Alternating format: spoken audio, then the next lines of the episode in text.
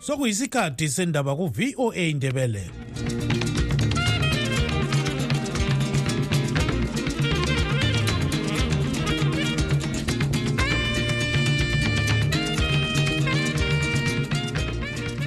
lami ngibonge utanono gawande obesipha indaba ngolimi lwesishona. Lingalivuka njani izulukandaba olamukela emsakazweni westudio 7 ngolwesithathu mhlazi ku-27 mbalakazi 2023 nguchris gande. Endabeni zethu lamhlanje icele lebandla eliphikisayo ele-mrp selihambise isicelo sokutshengisela phezu kokukhwela kwembadalo epassport ekhangelelwe ukuqala ekuqaleni komnyaka ozayo. Sithi thina ipassport ukuthi ikhwele beku-150 siyakwazi ukuthi kuloba ungilimbani umnankagola abantu bakhe abafake kuma-passport offices who are collecting imali edlula 150 ipassport actually price iyabe sikubo-300 dollars. Inkokheli yezigaba isikhuthaze uhulumende kanye labenhlanganiso ezizimeleyo ukuthi baqhelise inhlelo zabo zokuphathisa abantu abalambayo ngoba umnyaka ka-2024 ukhangelelwe ukuba lendlala emangalisayo. Singena phakathi kwendlala enkulu kakhulu ngoba kwazise babankomo abantu lokulima lokhu abakaqali ukulima khathesi udisemba usesephelile umhlabeleli wengoma zokholo u-eric moyo obhubhe kwele south africa ngeviki edluleyo ubekiwe izolo kobulawayo. Abantu bakubulawayo abezimbabwe bonke badabuke kakhulu. Ngokutshiwa u-eric eh bayakhala eningizimu afrika bayakhala abantu bonke emhlabeni wonke jikelele. Zonke lezi ndaba lezinye lizozizwa khonapha emsakazweni westudio 7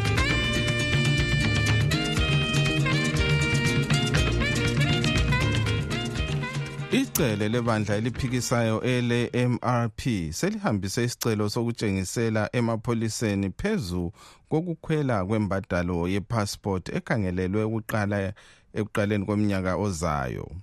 Umphathintambo wezemali umnumzana mthuli ncube wazise ngenyanga edluleyo ukuthi kusukela ngomnyaka ozayo ngozibandlela imbadalo yepassport izakhwela isuka kukhulu elilamadola angamachumi amabili US 120 dollars isiya kumadola alikhulu lamadola angamachumi amahlanu 150 dollars. Omunye wabagcina isihlalo becele le-mrp umnumzana mudenda chilumbo utshele istudio 7 ukuthi banxusa uzulu ukuthi aphathise ekutshengiseleni lokhu okukhangelelwe ukwenziwa mhla ziku-2 ngozibandlela phandle kwamahhovisi kamsitheli kobulawayo. Ngalokho sebelobele amapholisa incwadi bedinga imvumo. Kodwa amapholisa abengakaphenduli amapholisa enkamba yebulawayo central abengakaphenduli. Sixoxe lo chilumbo ukuze sizwe okuningi ngalolu daba. But sesingunanzela ukuthi ano sokuyisigumaguma lokhu ngoba i-registry eh i-department or i-ministry of home affairs is none aligned to revenue eh, collection agents. Ayivunyelwe ukucollecta izimali for other developments. So nxa ngisizwa umuntu uncube ekhuluma ngokuthi yena i-passport isifike ku-150 is approved by iparliament yezimbabwe. Bengingakwazi ukuthi umthulinxibe othi yena i-passport the reason yabakhona ngapho besingakwazi as imthwakazi republic party ukuthi ufuna ukumodernize ama-borders. Ama-borders kamodernizwa nge-passport fee amodernizwa nge-the mainstream revenue um system ekhona elizweni. So nxa kuyukuthi bona bafuna ukuchaja i-150 us dollars besithi bafuna ukuthenga izimota zama-mps ezibelow ezi-above i mean ezi-above 100,000 which means badlala ngabantu laba abantu. Awusoze uchaje abantu imali enjengaleyo. Uphinde uyobathexa nxa sebethumela izimali ekhaya. So thina as umntokazi republic party we are supporting ivision ye-youth league yethu ethi akumiswe ukusebenza kwama-offices awe-registry the civil registry department kobulawayo sithi thina hayi uba mnanga kwavele sezama okunye la ibudget yabo was not even uh, conducted in the manner that is constitutional in terms of ama-consultations so thina as umntokazi republic party sithi sisupport abafana sapota abantwana asisukumeni sonke ezimathebeleleni abasewange abase-bedbury abasekwanda abangaphi ngaphi eplumtry imali yobugumaguma efuze ukuthi sapota amasela hayi asimiseni. So sithi thina konke lokho kokuthi amapholisa baza kuthini hayi? Kusezandleni zomthetho we expect the police to act according to the constitution. They are non-partisan as an entity. So we can't allow them ukuthi besiyalele ngoba thina sifuna ukuyotshengisela um ezephathi ezisizwe ukuthi abantu bakithi bazaphelela emfuleni bebhajethe izimali zokuthi bebuye ekhaya bethole izimali sezikhuphukile in terms of ukubhadalela ipassport. Abantwana bazahamba beyobulawa befele emfuleni befele endaweni engaso designated for traveling. Khona ukubangele ukuthi litshengisele ngodaba lwamapassport zona indaba ezikhathazayo ziziningi. Kuyini kahle kahle? Sithi thina ipassport ukuthi ikhwele beku-150 siyakwazi ukuthi kulobungilimbani umnanka gola abantu bakhe abafake kuma-passport offices. Who are collecting imali edlula 150 ipassport actually price iyabe sikubo-300 dollars. So asoze sikuvume as imntwakazi republic party and we are ordering all our members and supporters sympathizers labantu bakumathebeleni wonke bonke ukuthi no akuvinjwe ivalwe laphana komsitheni laphana. Siyavala. Akuvinjwe kuvalwe lapha. Lo-ke ngumnumzana mudenda chilumbo ongomunye wabagcina isihlalo becele eliphikisayo elebandla le-mrp ubekhuluma ecingweni lestudio 7 esebhinga The voice of America.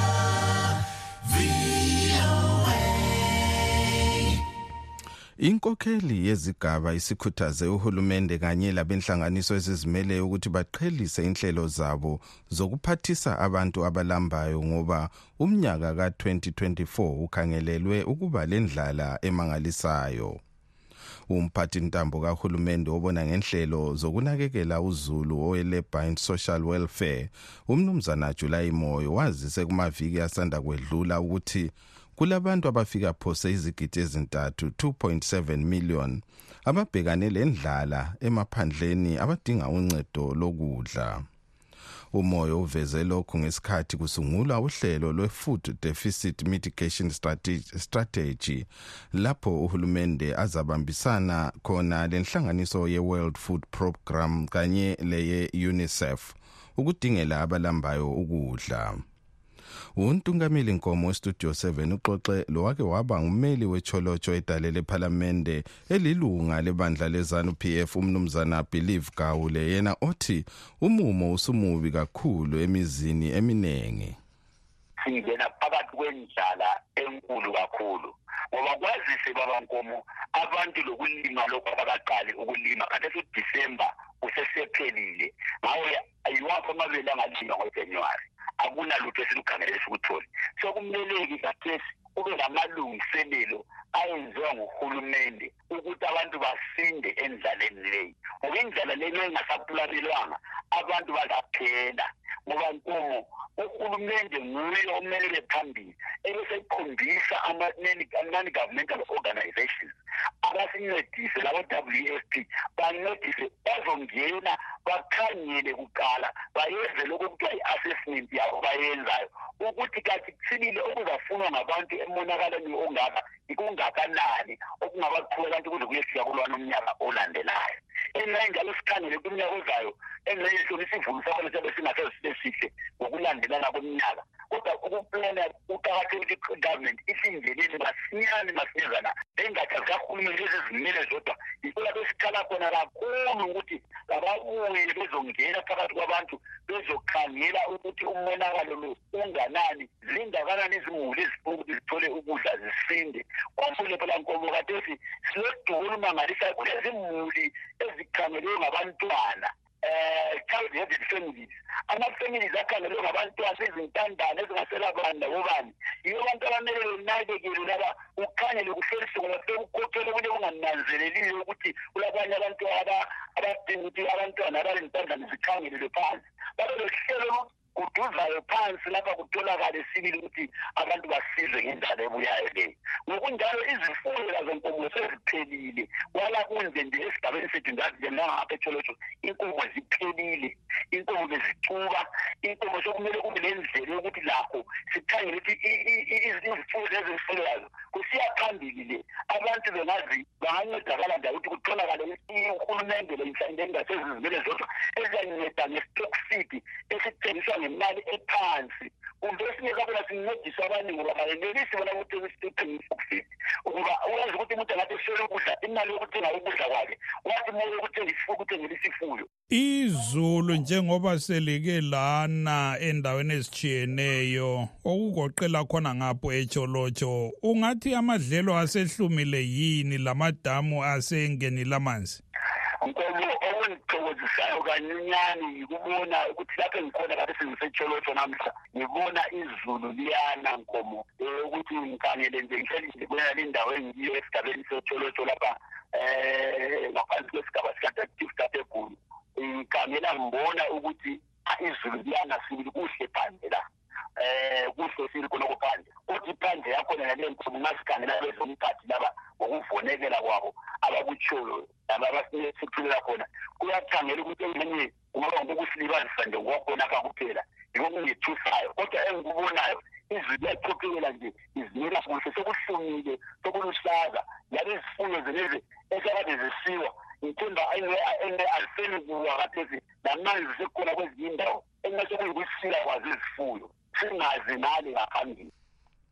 umnumzana believe gawule isakhamuzi secholocho njalo wa- waka waba ngumeli walesi sigaba idale lephalamende ulilunga lebandla lezanu PF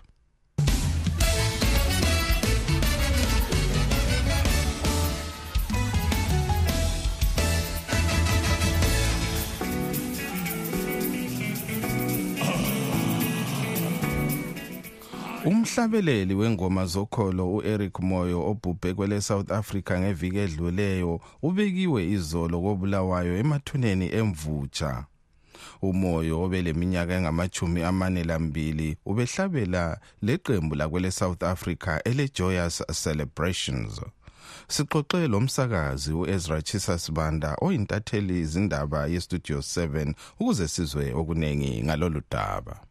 Eric Moyo eh umculo weZimbabwe bedume kakhulu wazalwa umnyaka 1982 wakhulela khona lapha kontuthu siyathunqa kobulawayo eh engumuntu ocula eh enkozweni ezishiyeneyo zakontuthu siyathunqa kobulawayo kwaze kwafika umncintiswano lwaphuma umabona kodwa ukuthi hayi abazizwa wabazi ukuthi balelizwe limnandi lokucula sicela ke lingene lokuthiwa ke East Africa idols eh waseba ngomunye lo bhalisayo wangena ke bamthola ukuthi hayi umuntu uyacula. Wacula ke lapho yanyakuqala le eh, idols eh, east eh, Africa Idols wanqoba enqoba nje bonke laba ke esithi Southern and East Africa.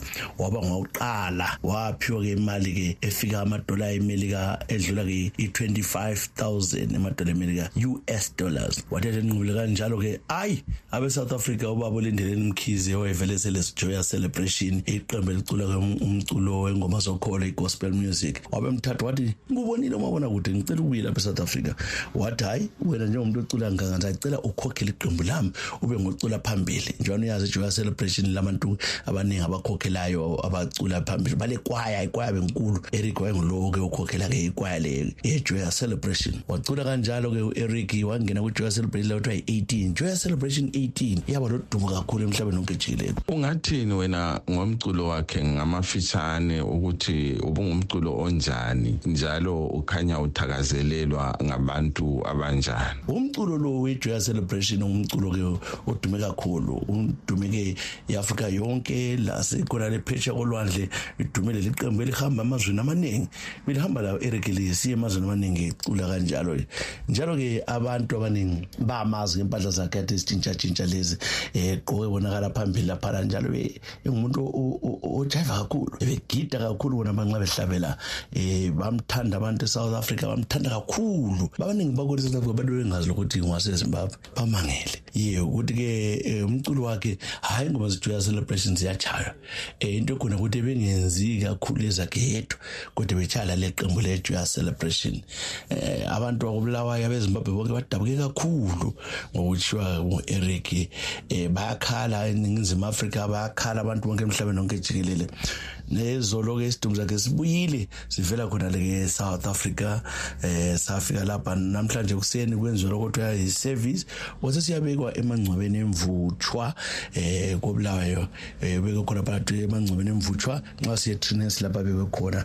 Eh namhlanje eh abantu ke badabukile bebuyile vela ke South Africa njalo lezulu lesina okutshengisa ukuthi bengumuntu omkhulu kakhulu ke eh abantu babuhlungu ingoma zakhe ziyohlala zikhunjulwa ngabantu kodwa abantu uncedo liqembu lakhe le-joyal celebration likhona. Akusoze kukhanye ukuthi u-eric kasekho kodwa abananzelelayo bazabona ukhona ongasekhoyo la ngoba bekhokhela phambili. Yikho ngamafitshane ngu-eric moyo lo sizalwa sezimbabwe esivele minyaka eyi-41 lo ke ngu-ezra chisas banda umsakazi njalo eyintatheli izindaba ye-studio 7 okwamanje ke sizwe ezivela kumaphephandaba achiyeneyo Everything's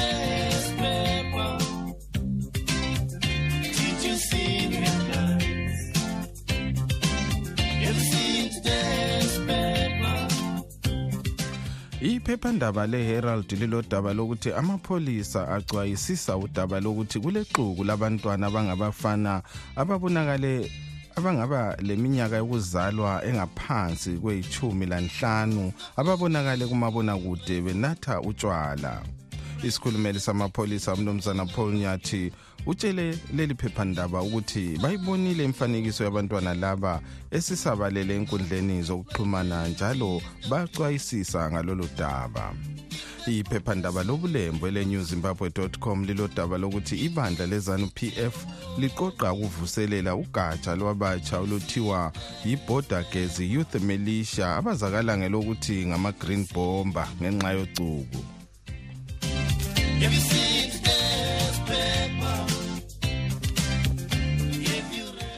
okwamanje sengidedela emuva ngilichiya izandleni zenu lina balaleli bethu kumbiko elisithumele nge-whatsapp.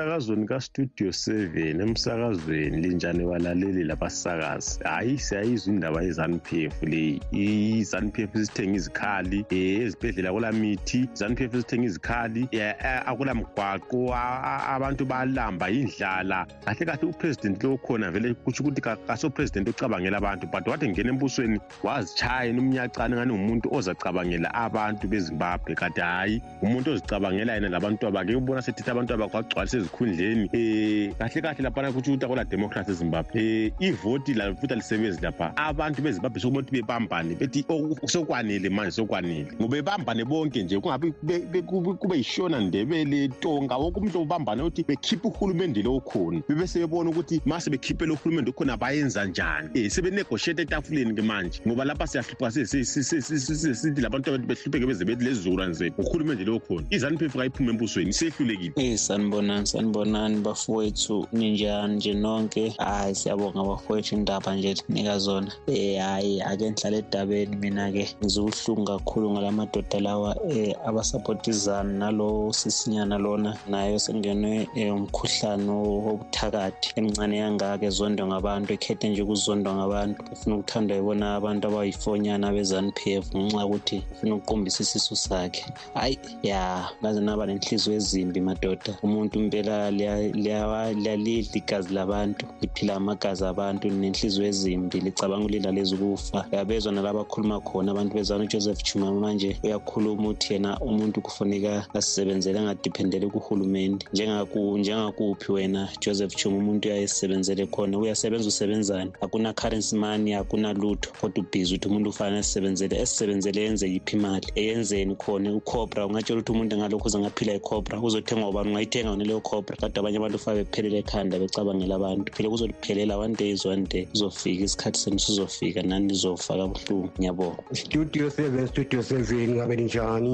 Ngabe linjani basakaza bakhe sibonga sibonga sibonga sibonga umsebenzi olwenza basakaze sibonga umsebenzi olwenzayo ngabezindaba right studio seven lapha kule ndaba engane yangikhathaza lapha yabona indaba kachabango le studio seven indaba kachabango le sicela ukuthi eh, amazimbabweni amahle siyinanzelele into ikakhulu abantu bakobulawayo ikakhulu abantu bakamthwakazi abantu besindebeleni ngiyabona into enziwa nguchabango le kahle kahle. Mangithi ngiyibhekisisa kuhle le nto le ngamanyala le. Uchabango wathengwa ngenxa yendlala. Uchabango isidawo sihlale edakiwe imisebenzi yakhe ayazini wathengwa ngenxa yendlala ithengwa ngusikoti ngoba thina ekuxabaneni kwabo akwenzayo ngabo ku-triple c thina besingafuni ukungena kangawo of course lathi besisapota sibe-triple c kodwa besingafuni singene kangako kuleyo nto. Then into esuke isisihlukumeza lapha ukuthi thina sikhethile. Abantu ade sibafuna kobulawayo sabangenisa abantu abezalanisa kobulawayo abantu besindebeleni ngoba thina into esingayifuniyo kobulawayo into ethiwa yi-zanu p f. Asiyifuni into ethiwa yi-zanu p f kobulawayo kanti esinanga uchabango uhambe sasithathela i-zanu p f yarare ziyofaka kobulawayo lo chabango kahle kahle kanti ayikho enye imizamo engenziwa upresident uchamisa yena ekhanyela yethule kangaka. Kuyini okwenzakala kahle kahle? Ye bantu abalalileyo lani lapho ake size lapho kumbili ngaba nombono ngcono lapho. Satsha ngalo uchabango isidawa umuntu othengisa isizwe sikhanyile umuntu osithengisela emathebeleni kuzani p f sikhanyile nje. Eh sabona studio sanibona studio 7 nami ngikhuluma ngilapha eZimbabwe. Eh yabona izanu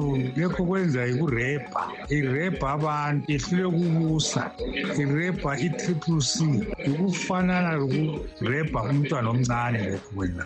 Sithwele zimo yena ngabe nje wathi wathatha wazibuza ithi wawina ngabe uyalungisa izinto ngendlela yakho. Hayi kona ukuhlanhla athi uqonda igama. Hayi next time sizoze sivote ngoba kusinceda ukuvota. Salibona studio seven salibona abasakazi bethu njani ha thina siyancenya ngike ngiphawula njengalokho kwenzekala ezimbabwe ha sokuthi ezimbabwe sizohlala sikhohlwe izane izibuse lizenze limathanda. Kwanakho senzoke sishaba labo weshman ncube labo tentaibit bathi izane fanele ibuse anike izane ipower so hayi kule nto singayenza. So kuzosebenza mdala ngoyozosesilwele wavele tentaibit labo weshman ncube labo sengisishaba labo. Akulalizwa vela kulaphathi abazoyivula futhi. Ayikho. Laba nje ba- baqonda ukuthi bedilize isisi izanu ibuse. Angazi ke bazotholana ngemva kwalokho. Hhayi inkosi babusise kulokho abakwenzileyo. Thina amalungelo abantu be- be- be- be- behlale phezu kwabo babusise. Studio seven studio seven sakubona kanye labalandeli bakho. Uhlale phezu kodaba njalo. Ngingathi studio seven ukuthi ama-s m s ukhetha anjani. Kodwa sengathi ma ngithi ngiyabheka ukhetha asekela kakhulu uhlangothi lwe-c c c. Thina abanye esikhuluma izinto ezingahambisani lento zabo-c c c lezo vela usasifundi khonapho. Lowo muntu okhetha ama-s m s siyambona ukuthi vele thina wethu uyasibandlulula akasikhethi. Ngenxa yokuthi asikhulumeli i-ccc leyo ccc futhi asinandaba nayo. Inamanga okunjengopresident wakhona unalo uchamisa wakhona uthi ye uthwabango uthwabango akamazi. Akekho umuntu okukhulumayo manje ukuthi ye lo muntu unamanga lo. Lisho ukuthi angabusa vele kukhona ukubusa ngeqiniso azokuyenza yena elamanga kangaka lo muntu lo. Hawu studio seven nawe sicela sibili indaba zakho zibe ngezoqodo zingabi yilezi ezisekela uhlangothi. Siyabonga. Ah studio 7 mina ngithi izanu yonke yonke nje lama leaders akhona wonke. Hayi abaphume abaphume bayehlulekile bayehlulekile. Since namhlanje singabantu basezimbabwe asisahlonitshwa noma yikuphi. Sihamba sithethiswa emabhasini ezitimeleni emateksini siyathethiswa. Ngendaba yezanu. Hayi abake bephume asisabadingi. Noma upresident ethi hayi elifini vele noma engabuyanga kasisamdingi. Kake phume ke bona abanye ukuthi bazenzani akake nikeze umfana omncane ke vusa ilizwe. Bake basale namancuwa wabo. Sokungamancuwa angeke bavuse amancuwa sifuna umfana omncane umkomana kangene. Aphinde mkomana zani uphuma nini liyafosta phuma nini lihambe. Hambani liyehlala kathi liretire nini vele? Kuretire nini kati studio 7 studio 7 salibonani baphathi bethu. Siyalibingelela eminyakeni omutsha. Sithi happy umnyaka omutsha singena kiwo. Hawu siyabonga studio 7 kusiya ngami aba abantu bonke babambana bonke abantu. Kukhishwa izano kuqala ukuze siqhubeke ngempilo e-right. Siqala umnyaka omutsha sibe right. Siya ngami abantu bonke babambana balwe lezani iphume embusweni. Iphume emandleni ukuze sithole ukuphila oku-right. Bengifuna ukuzwa kuphela ngosengezo chabango lozithingo e-triple c ukuthi ezerekole abantu abaningi kangaka isizathu sakhona owasisolayo la engowephathi yisiphi? Ngokokuqala ngizobuya endabeni kamalaki nkomo lothi yena izanu p f hhayi libandla elibusa lingelamsindo elingelani? Ngibe sembuya kwekamsaka lo webhingalo obuka into engcolileyo yenza ibe yinto enhle wona ingcolile ayi ngizwa ngisethuka siyoku into wakhona kuyamangalisa hhayi kangisoli kuya ngokuthi umuntu ubona njani kodwa-ke ngakuthiwa bayabona abantu labo ukuthi balahlekelwa ingqondo ngani okunye bayathula ufa lakho kuphela kungaphakathi kwakho ungakuvezi ebantwini. Ngoba mhla ilizwe elingatshintsha libe ngesinye isimo. Abantu babe bekwazi bazakukhangela njani ngiyabonga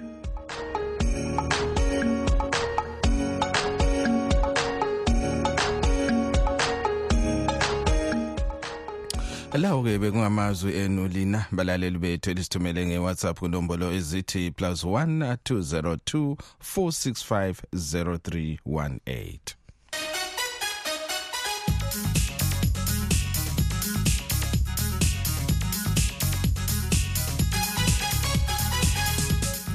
kwezemelika amapholisa isigaba secolorado athi acwayisisa udaba lokwethuselwa kwabehluli kulandela ukususwa kwalowo wayengumongameli welemelika umnumzana donald trump kuluhlu lwabangavotelwa kukhetho oluzayo. Amapholisa alile ukuveza okuningi ngalolu daba besithi kungafaka engozini abehluli laba. Kusenjalo ukudonselana kokuthi uhulumende welemelika aphathise le-ukraine kumbe hatshi kumbe njalo aphathise ele-israel kuphela ngemali yokuzivikela kuqhubekela phambili. Sixoxe locubungula ezombusazwe unkosikazi priscilla ndlovu saqala ukumbuza ukuthi ngowuphi umkhokheli welizwe lemelika ongaqeda impi ezikhona esezidonselele lelizwe lemelika phakathi kwazo. Lezi zempi eRussia leye-Israel e-Ukraine ukuthi nguphi upresident obengenza ngcono ekuqedeni lezi zimpi. Mina ngibona ngani uBiden uyazama? uTrump angisho siyamazi vele ukuthi akulanto ake ayenza yakhanya ihamba kuhle. Engxenye i-Israel ubengaqina esenzela ukuthi athole amavoti lapha kuleli lizwe nxa ukuthi kuleli lizwe kulamatshe. Lokuthi ubenjamin netanyahu ngumngani wakhe. Kodwa eye-ukraine ngibona ngani ubiden utrump wayeza kweyela impi e-ukraine esenzela ukuthi irussia ikhulele i-ukraine njengoba vele efevana engumngani kaputin. Lapho izimpilo ezi zombili ngibona ngani umuntu ongazibamba kuhle? Ngubiden. Kuphela ubiden lapha ngidanise khona ungidanise nge-israyeli. Ukuthi i think uphume wama kakhulu okwenza ukuthi i-israyeli ibe legunya eliphezulu. Ekuthini indaba yakhona kabasafuni indaba ukukhulunywa kulanyulwe bona sebefuna ukubhidliza kungenxa yokuthi baphiwe igunya elikhulu. Kodwa hhayi ngibona ngani ubiden even ephambanisile khona lokhu kunganisuthisanga kodwa ngibona ngani nguye upresident obengenza ngcono kulo, kulo, kulo trump. Ngiyabonga bye. Alathi siyabonga lo-ke ngunkosikazi priscilla ndlovu ocubungula izombusazwe esilethela-ke uhlelo lwethu lwalamhlanje emaphethelweni kodwa singakehlukani ke sikhangele ezinye zenhloko zendaba ebesilazo ezikhokhela. Umanisipala wakobulawayo uh uqo uxolo eh sikhangele ke indaba ebezikhokhela icele lebandla eliphikisayo ele MRP selihambise isicelo sokutshengisela phezulu kokukhwela kwembadalo yepassport emapholiseni. Inkokheli yezigaba isikhuthaze uhulumende kanye labenhlanganiso ezizimele ukuthi baqhelise inhlelo zabo zokuphathisa abantu abalambayo ngoba umnyaka ozayo oka-2024 ukhangelelwe ukuba lendlala embi kakhulu emangalisayo. Abangenelisanga ukuzwa indaba zethu lilakho ukuzithola ku-www voa.ndebele.com olivalelisayo igama lami nguchris gande ngisithi asidibaneni njalo kusasa sikhathi sinye kodwa silazo ezinye. Namhlanje ntambama ngo-half past 7